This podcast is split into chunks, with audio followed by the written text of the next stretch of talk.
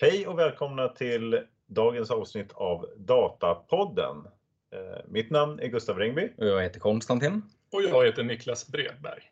Och Niklas Bredberg har inte varit med förut. Nej. Eh, Men vill du berätta lite vem du är? Ja, vilken ära att få vara här till att börja med. Är det för att alla andra kandidater är på semester? Eller? Så, det, så kan det vara. nej då, nej då. Det var, det var många som ville vara med på dagens avsnitt. Jag förstår, jag förstår. Nej, men jag är VD här på Random Forest och eh, håller i huvudsak på med eh, personalfrågor och rekrytering här.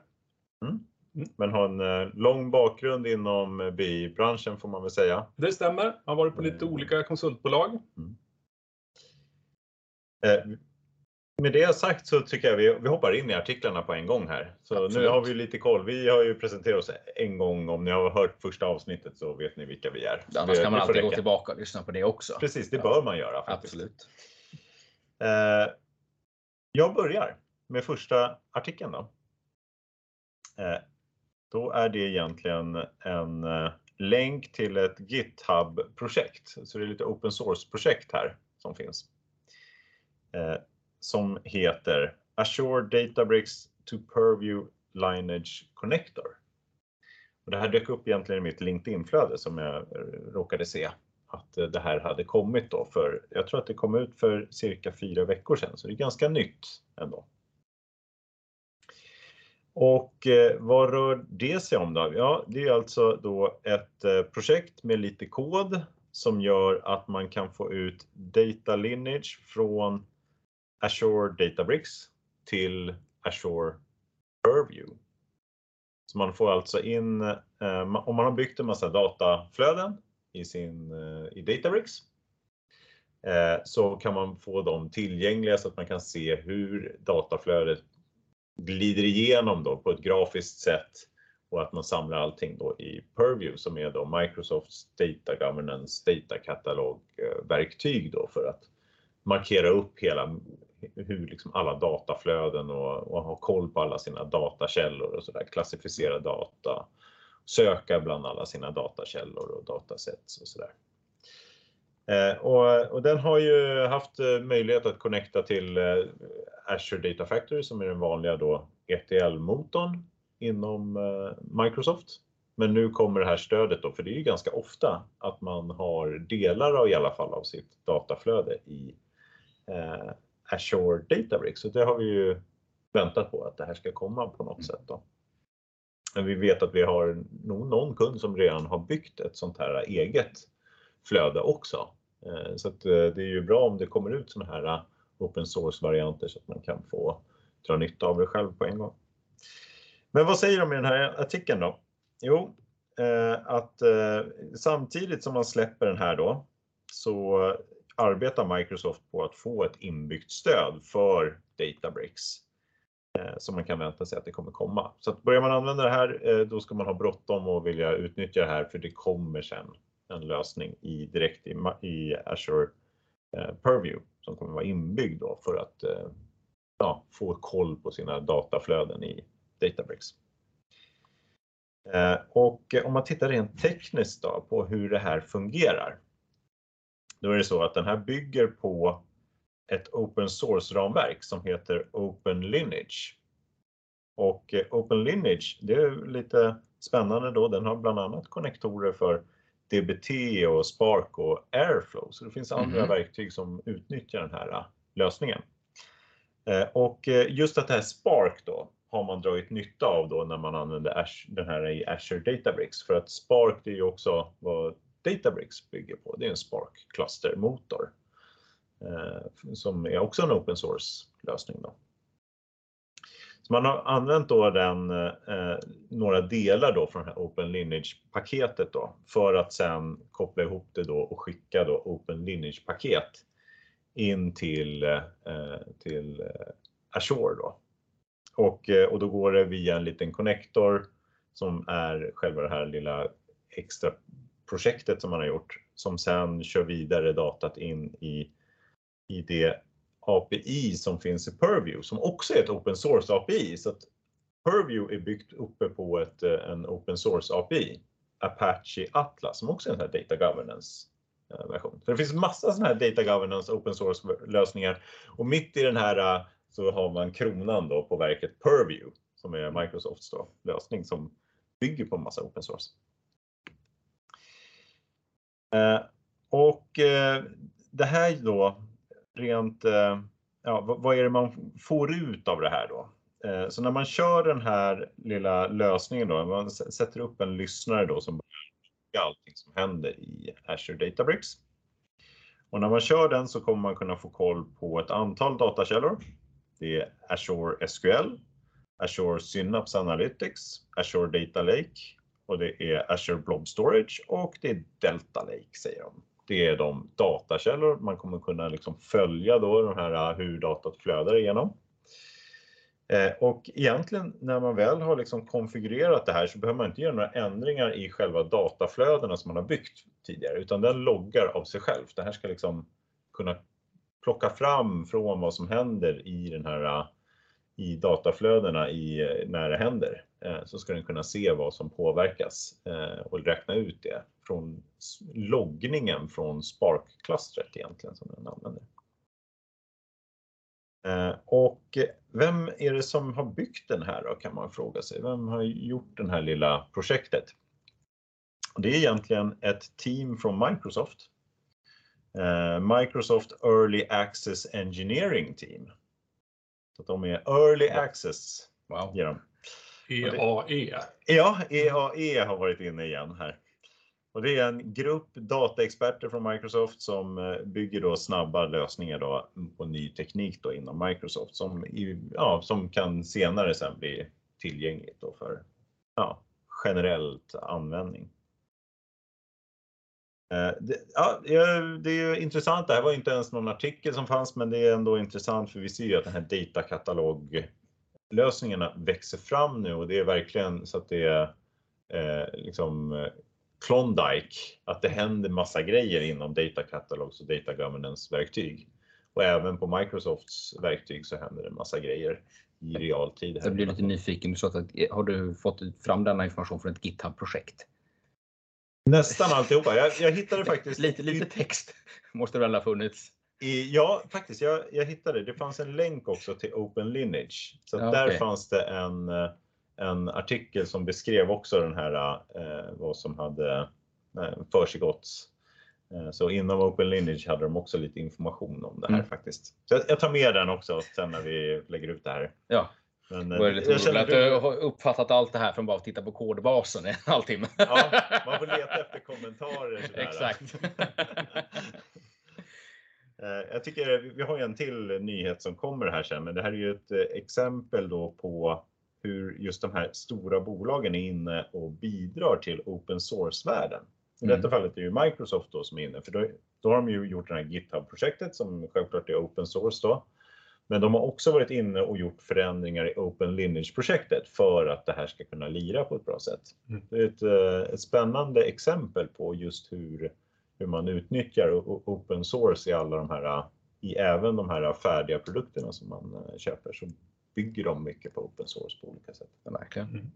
Jag var lite imponerad över för att inte man behöver konfigurera någonting utan räknar ut allting. Alltså, det brukar ju vara så här lite taggar och så här man behöver eh, sätta då på vissa tabeller eller på dataflöden och så där. Men det verkar inte vara här alls. Utan... Nej, det är det inte. Och sen är ju frågan hur bra det funkar. Det måste vi nästan prova i sådana fall för att se. Ja. Om det är någonting den missar eller om den är eller om det blir för mycket. För det låter nästan lite för bra för att vara sant. Ja. Det här liksom automatiska bara tjoff, där är det. Mm. Ja. Ja. Hur stort är det här då? Kommer folk att springa och köpa Purview hela dagarna nu? Eller? Jag tror att eh, med tanke på att vi har sett att eh, kunder har redan börjat bygga för att de ska kunna få in data i Purview så mm. är det här i alla fall eh, intressant för dem för att spara tid. Mm. Eh, sen så tror jag att du kan ju bygga mot den här eh, mot den här eh, Atlas API som finns i, i, Så du kan ju bygga dina egna flöden också in mot, mot Purview. Mm.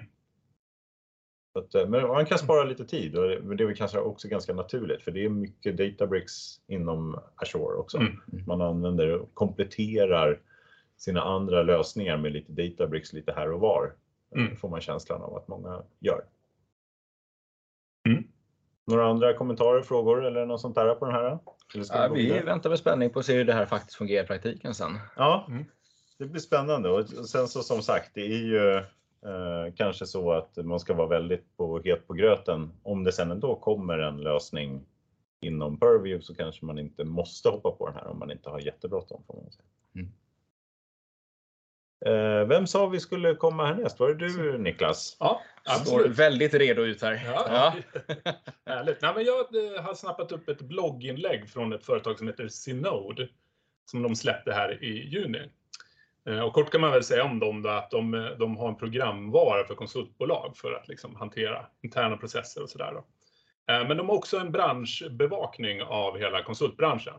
Och det är väl lite på det temat då. Och kopplat till det så, så hänvisar de till generellt då att förändringstakten ökar och därmed också liksom behovet av kompetensutveckling, att det ökar också. Då. Eh, och de pekar här på flera undersökningar, bland annat från Gartner, World Economic Forum, McKinsey och alla pekar på lite liksom olika delar av samma fenomen. Man säga då. Eh, bland annat så pratar de om halveringstid av kompetens då, som ett begrepp. Då. Och, Herregud. ja, Men då är det väl kärnkompetens? Ja, just det, precis. Det betyder väl egentligen då att den kompetens du tillgodogör dig idag, eh, om en viss tid, då är den bara hälften värd. Just det. Och eh, det där var traditionellt då, kanske 10-15 år, sen så var den kompetensen hälften värd. Eh, Nu menar man att den är ungefär fem år och inom vissa branscher kanske två, tre år. Då. Så den här förändringstakten och behovet av liksom kompetensutveckling ökar hela tiden. Då. Så medan vi står här så blir vi bara dummare och dummare och mindre värda kan man säga. Ja, det är tungt att inse det. vi kanske har måste också- avsluta tidigare. Ja. Ja. Eh, och det kan man väl säga att när vi pratar med folk på marknaden, både liksom potentiella kunder men konkurrenter och sådär också, så är det någonting alla liksom eh, samstämmiga i. Att det för finns för lite kompetens på marknaden, både i antal personer liksom, men också att, att man ska ha rätt kompetens förstås, uppdaterad. Mm. Eh, och det här med liksom förändringstakten, det kan man väl säga att det kanske har pågått så i flera hundra år om man vill dra det eh, dra det långt tillbaks, men lite mer i närtid så pratas det ju generellt om digitalisering och globalisering som drivkrafter. Eh, och i våran bransch mer specifikt då, så, så är ju molnet en sån sak förstås. Större datamängder är något som driver på förändringar också. Då. Eh, och eh, eh ja, men man har ju haft så här, eh, i våran bransch har vi haft gamla on-premise lösningar som har sett hyfsat likadana ut i 20 år i alla fall. Så, och, och nu sker ju det här molnklivet då, som i sig blir en stor förändring. Eh, där alla verktyg byts ut i princip då. Men sen när man väl är i molnet så sker ju förändringarna snabbare där också. Man väntar ju inte två, tre år på att en ny version av någonting ska komma, utan det kommer ju nya saker hela tiden. Mm. så, så eh, jag lyssnar på, eh, på Microsoft har en partnerpodd också. Och de eh, hade som exempel, de sa där att 10 år on-premise motsvarar två år i molnet. Som någon form av ratio på hur snabbt förändringstakten går där. Eh, Stor skillnad då. Ja, verkligen. Vi var ju du och jag Gustav på ett, part, ett annat partner-event som Microsoft hade 21 juni här. Mm. Och då var det väldigt mycket prat om upskilling och reskilling och sådär. Just det. Och eh, ja, det är ju kompetensutveckling fast med lite coolare ord då. Så att, Mm. Eh, men, men det var stort fokus från dem. De ser ju liksom att de vinner ingenting på att en partner rekryterar av en annan partner. De vill ju se att det kommer in liksom ny kompetens och i, i eh, branschen att liksom den totala eh, bubblan här blir större så att säga Mm. som vi lever i. Som vill ha autoscaling helt enkelt. Precis. ja, det vore ju trevligt om det var så enkelt att liksom skala upp de bitarna. Precis. Så det gäller att kunna bara ladda in i huvudet datat eller liksom kunskapen då. Exakt. Mm. Men man ser väl det, produktbolagen har väl samtidigt så får man känslan av att de har blivit mycket bättre på sådana här digitala utbildningstjänster som Mm. har med deras produkter att göra. Mm. Eh, och man kan väl också misstänka att en konsekvens blir att certifieringar blir mycket viktigare än vad de har varit tidigare.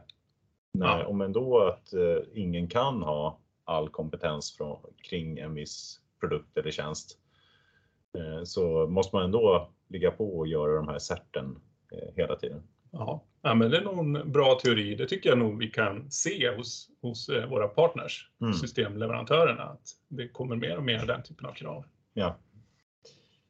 Eh, och om man ser någonting kring det här med utbildning, det är väl ändå lite grann att de här gamla utbildningscentra har liksom försvunnit lite grann. Alltså förut så fanns det ju de här eh, utbildningsföretagen Mm. som höll i massa kurser i, inom olika produkter och så vidare. Eh, De har ju lite grann försvunnit. Man gör ingen sån stor investering liksom på en, eh, en enveckas kurs idag Mm. på samma sätt antar jag. Marknaden måste ha krympt för dem. Eller är det att produktbolagen har tagit rollen där? Ja, jag tror både och. Alltså, mer online och mer att det är lätt av produktbolagen. Mm. Mer att man tar liksom olika bitar. Det är nog inte som så ofta de här helveckorsutbildningarna längre. Mm. Man specialiserar sig på en tjänst eller någonting. På den. Vi har ju fortfarande SQL. Mm, precis. Allt i världen förändras utom SQL. Jag antar, att det är ungefär samma i systemutvecklingsbranschen, att programmeringsspråken ändå består hyfsat liksom, medan Mm. själva miljön, och omgivningen och verktygen förändras. Eh, Men det kanske är sånt, alltså om man ska leta efter eh, kompetenser eh, så kanske man ska försöka ha mer beständiga kompetenser som till exempel SQL. Mm. Men det kan ju också vara mjuka liksom, kompetenser som problemlösningsförmåga eller, eller förändringsbenägenhet för den delen också då, om man ska Mm. hänga med i de här bitarna. Är det några andra kunskaper då, inom dataanalys som man skulle kunna eh, som inte förändras så att säga?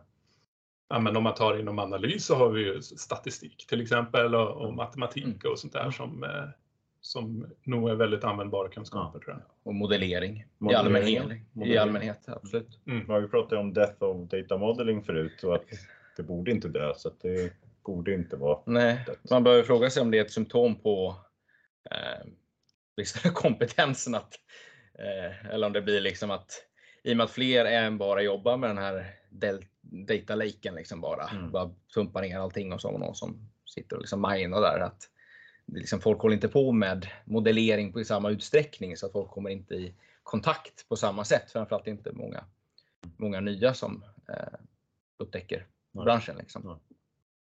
Eh, Kravanalys är väl också Mm. ett sådant område. Mm. Det här Mm. detektivarbetet som man hela tiden måste göra och, Mm. Och, och få också att få en organisation att bestämma sig för en definition av något slag.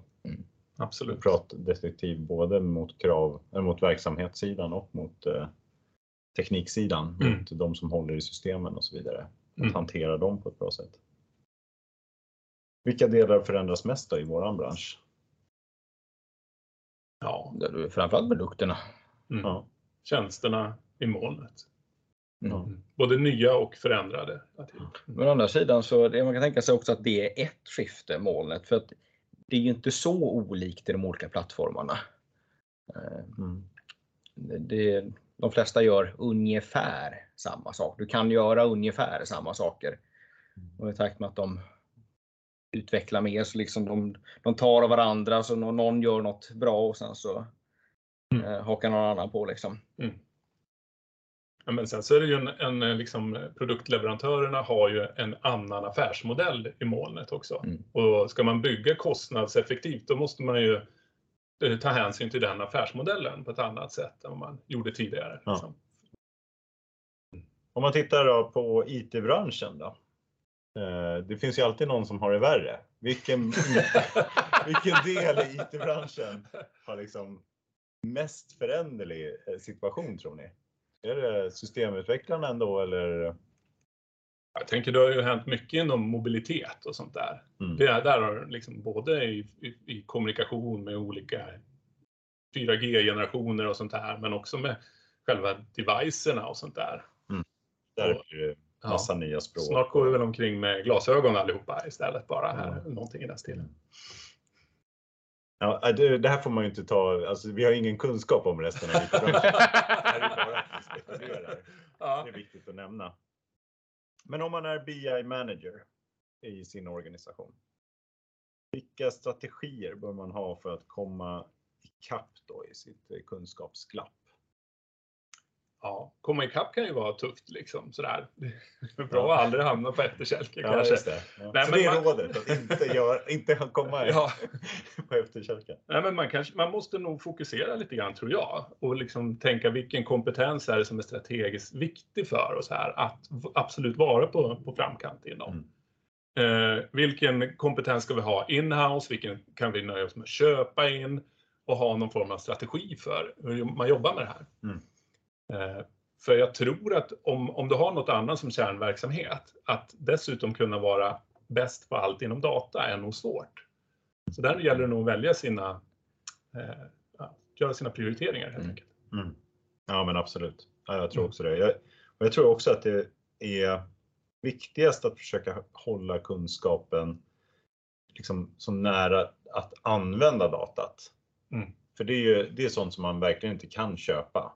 Mm. Utan det är liksom om man inte har den kunskapen Mm. hur man faktiskt använder datat, Mm. alltså ute i verksamheten, då är det ju ingen idé att göra någonting.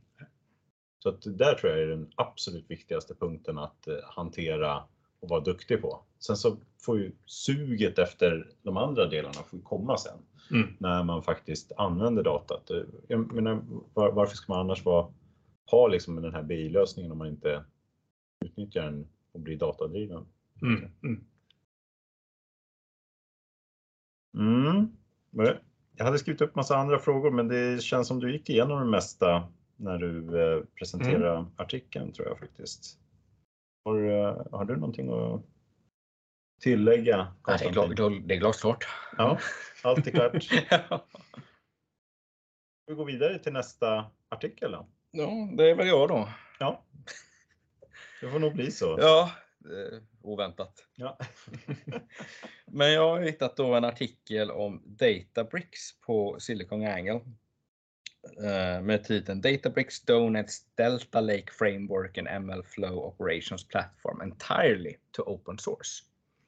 Mm. Jag reagerat gärna på, hajar till lite gärna på eh, Delta Lake. Ja. Det, här är, det här är i samband med att de har sin Data AI Summit. Va? För det här är från den 28 var artikeln, 28 juni Precis. 2022. Och den bara till den 30 där var det. Ja. Eh, summiten då. Mm. Eh, I San Francisco. Ehm, och där var ju då en av nyheterna att de ner då Delta, Delta Lake och ML Flow eh, i sin helhet till open source under översikt av Linux Foundation. Ehm, men Delta Lake liksom, det, det är ju fått väldigt stor popularitet. Ehm, det började drivas som ett open source, och är ett open source eh, format. Eh, som, grund för, som inte funnits så här jättelänge. Sedan 2019 så drog de igång det här. Eh, med Databricks i spetsen då, men som ett open source. Eh, tillsammans med Linux Foundation. Och hela syftet var att det skulle gå lättare att ställa frågor mot data lakes. Ehm, för de såg att det fanns problem med traditionella data lakes. Att, ehm, att det kunde brista liksom i tillförlitlighet och krävde mycket datorkraft. Ehm, och främst det var liksom schemaproblem och sådär när man laddar in liksom enskilda filer så där och inte hade någon total validering på det man laddar in att det fungerade tillsammans. Eh, men rent konkret så är ju Delta Lakes version av filformatet parkett. Eh, där slutresultatet är snarare likt en, en tabell i ett datalager. Men Eh, det blir då liksom en, en mapp helt enkelt med en hög massa filer. Eh, och man pekar då egentligen på en mapp som man vill queera. Eh, och där innehåller alla filer då som är validerat att de går att köra tillsammans. Och genom sättet som man eh, adderar ny data då så finns det också möjlighet till time travel. Där man kan gå tillbaka till hur såg det ut per ett visst datum. Eh, men fram tills nu då så har det funnits både en Databricks brandad version av Delta Lake och en open source. Men i och med denna förändring då så kommer det vara, inte vara någon skillnad mellan de båda. Och enligt artikeln så, så eh, kommer den nya 2.0 av Delta Lake släppas fullt ut under året och innehåller främst prestandaförbättringar. Eh, men det har varit en väldigt stor aktivitet för att enligt Databricks så har över 6400 utvecklare bidragit till den senaste versionen. Och antalet commits då har ökat med 95 bara på ett år. Det är mycket folk. Ja, verkligen. Ja, den här artikeln går in lite grann också på lite delar som vi kanske får eh, möjlighet att återkomma till. För vi kommer ha mer eh, in, nyheter här om, eh, om den här Databricks och de har ju släppt lite mer grejer. De nämner bara lite kort där va, om det här med bättre stöd för streaming och serverless variant till AVS. Ja, precis. Som är spännande grejer. Men jag funderar på det här nu när man släpper ännu mer till open source. Mm. Vad ger detta till Databricks kunder? Det man skulle tänka, ja, det man spontant kan tänka sig varför open source. Det är för att öka eh, användningen av det. Att det är fler som använder det ger i sig en större kundbas. Man får liksom den här innovationen på lång sikt ja. Eh, förhoppningsvis. Och det kan ju en sån här liksom ett, ett filformat i mm. sig är ju inte så värdeskapande. Så att det är ju inte något som är alltså, något direkt i värde utan snarare indirekt för dem som produktbolag. Men en förutsättning för att de ska kunna skapa värde på det. Mm. Och kan man då samla ett enormt community som de har gjort mm. för att utveckla det finns folk som är intresserade och vill bidra. Mm. Då har ju det en väldigt starkt positiv eh, effekt både på användningen och på möjligheten för Databricks då att sedan kunna ja. eh, skapa värde på detta. funktioner och... Precis. Ja. De har en baktanke med det alltså? Det var taskigt. Det var inte bara jag, jag, jag, bara spekulerar här helt fritt så ja. det kan säkert vara så att de är det välgörenhet alltihop. Ja.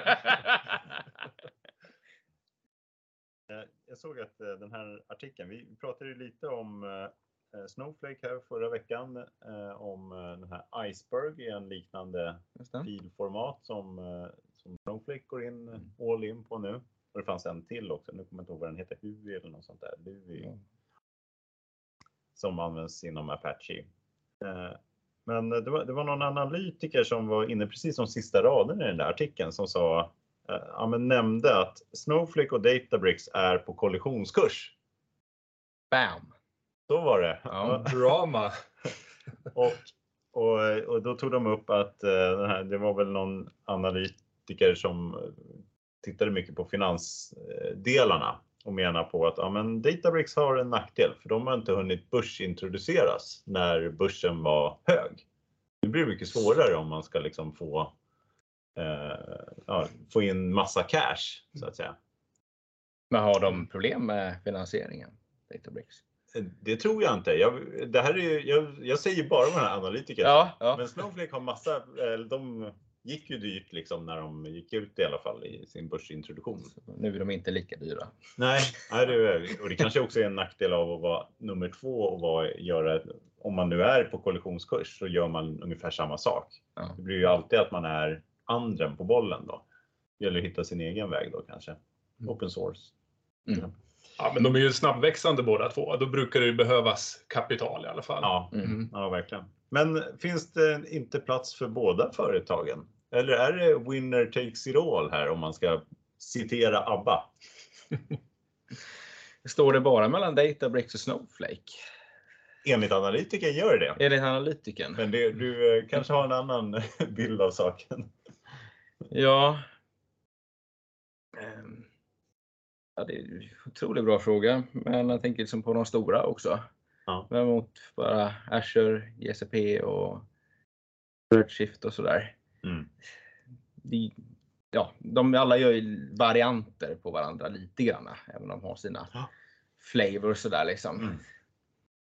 Mm. Eh, men de blir det blir ju roligare att titta på de här uppstickarna kan man väl säga. Eh, om det kan kallas Databricks Snowflake för uppstickare. Det är väl mm de kanske kommit över det steget. Men i och med att de, de är ju inte, de är, de är fortfarande extremt snabbväxande. Ja, då blir de ju roligare och liksom att följa. Mm. Nej, och det är väl ingen som riktigt vet var det landar någonstans om det blir eh, om man kommer att använda molnens, alltså det kan ju vara så att de här slår ut eh, molnplattformarnas egna dataanalyslösningar och Mm. blir mycket större. Eller så blir det tvärtom, vi vet ju inte riktigt. Ja, det har ju hänt i andra industrier att det har kommit upp bolag som bara helt kört över. Ja, men typ som Nokia. Först var det väl Ericsson som var störst på dem och sen kom Nokia och brädade alla och sen så kom iPhone. Och det Ja. finns ju inte Nokia knappt. Mm. Det är liksom... Ehm, Så det kan mycket väl hända här också. Ja, verkligen. Det finns väl den här, eh, eh, minns Gore-Tex, som är ju, det är ju ett eget varumärke Mm. som används liksom av, av andra företag i, deras produkter. Och till slut blir liksom Gore-Tex större än det, de som börjar använda. Det är en sån här Gore-Tex-effekt. Liksom. Alltså att man tar över varumärkena genom att eh, man används i en produkt och så börjar folk bara säga att ah, jag vill ha den där Gore-Tex. Eh, och, och så har man tagit över rollen som det är det som folk letar efter. Just det. Jag vet inte vem som här är Gore-Tex, Nej. om det är Databricks eller om det är molnplattformarna eller Och vem det är som är galonbyxan. Ja, Det här, ja. det är det. och är det vattentätt? Det är frågan. Eh, Men ja, vi har väl eh, i alla fall mer att prata om de här och man tycker väl nyheterna liknar också eh, det som finns i Snowflakes nya. Så eh, det blir spännande att gå igenom lite grann de nyheterna ytterligare. Men det får vi göra nästa gång för att nu har vi inte mycket mer tid här. Eh, Har ni något att tillägga här eller har vi? Nej, det var trevligt att få komma på besök.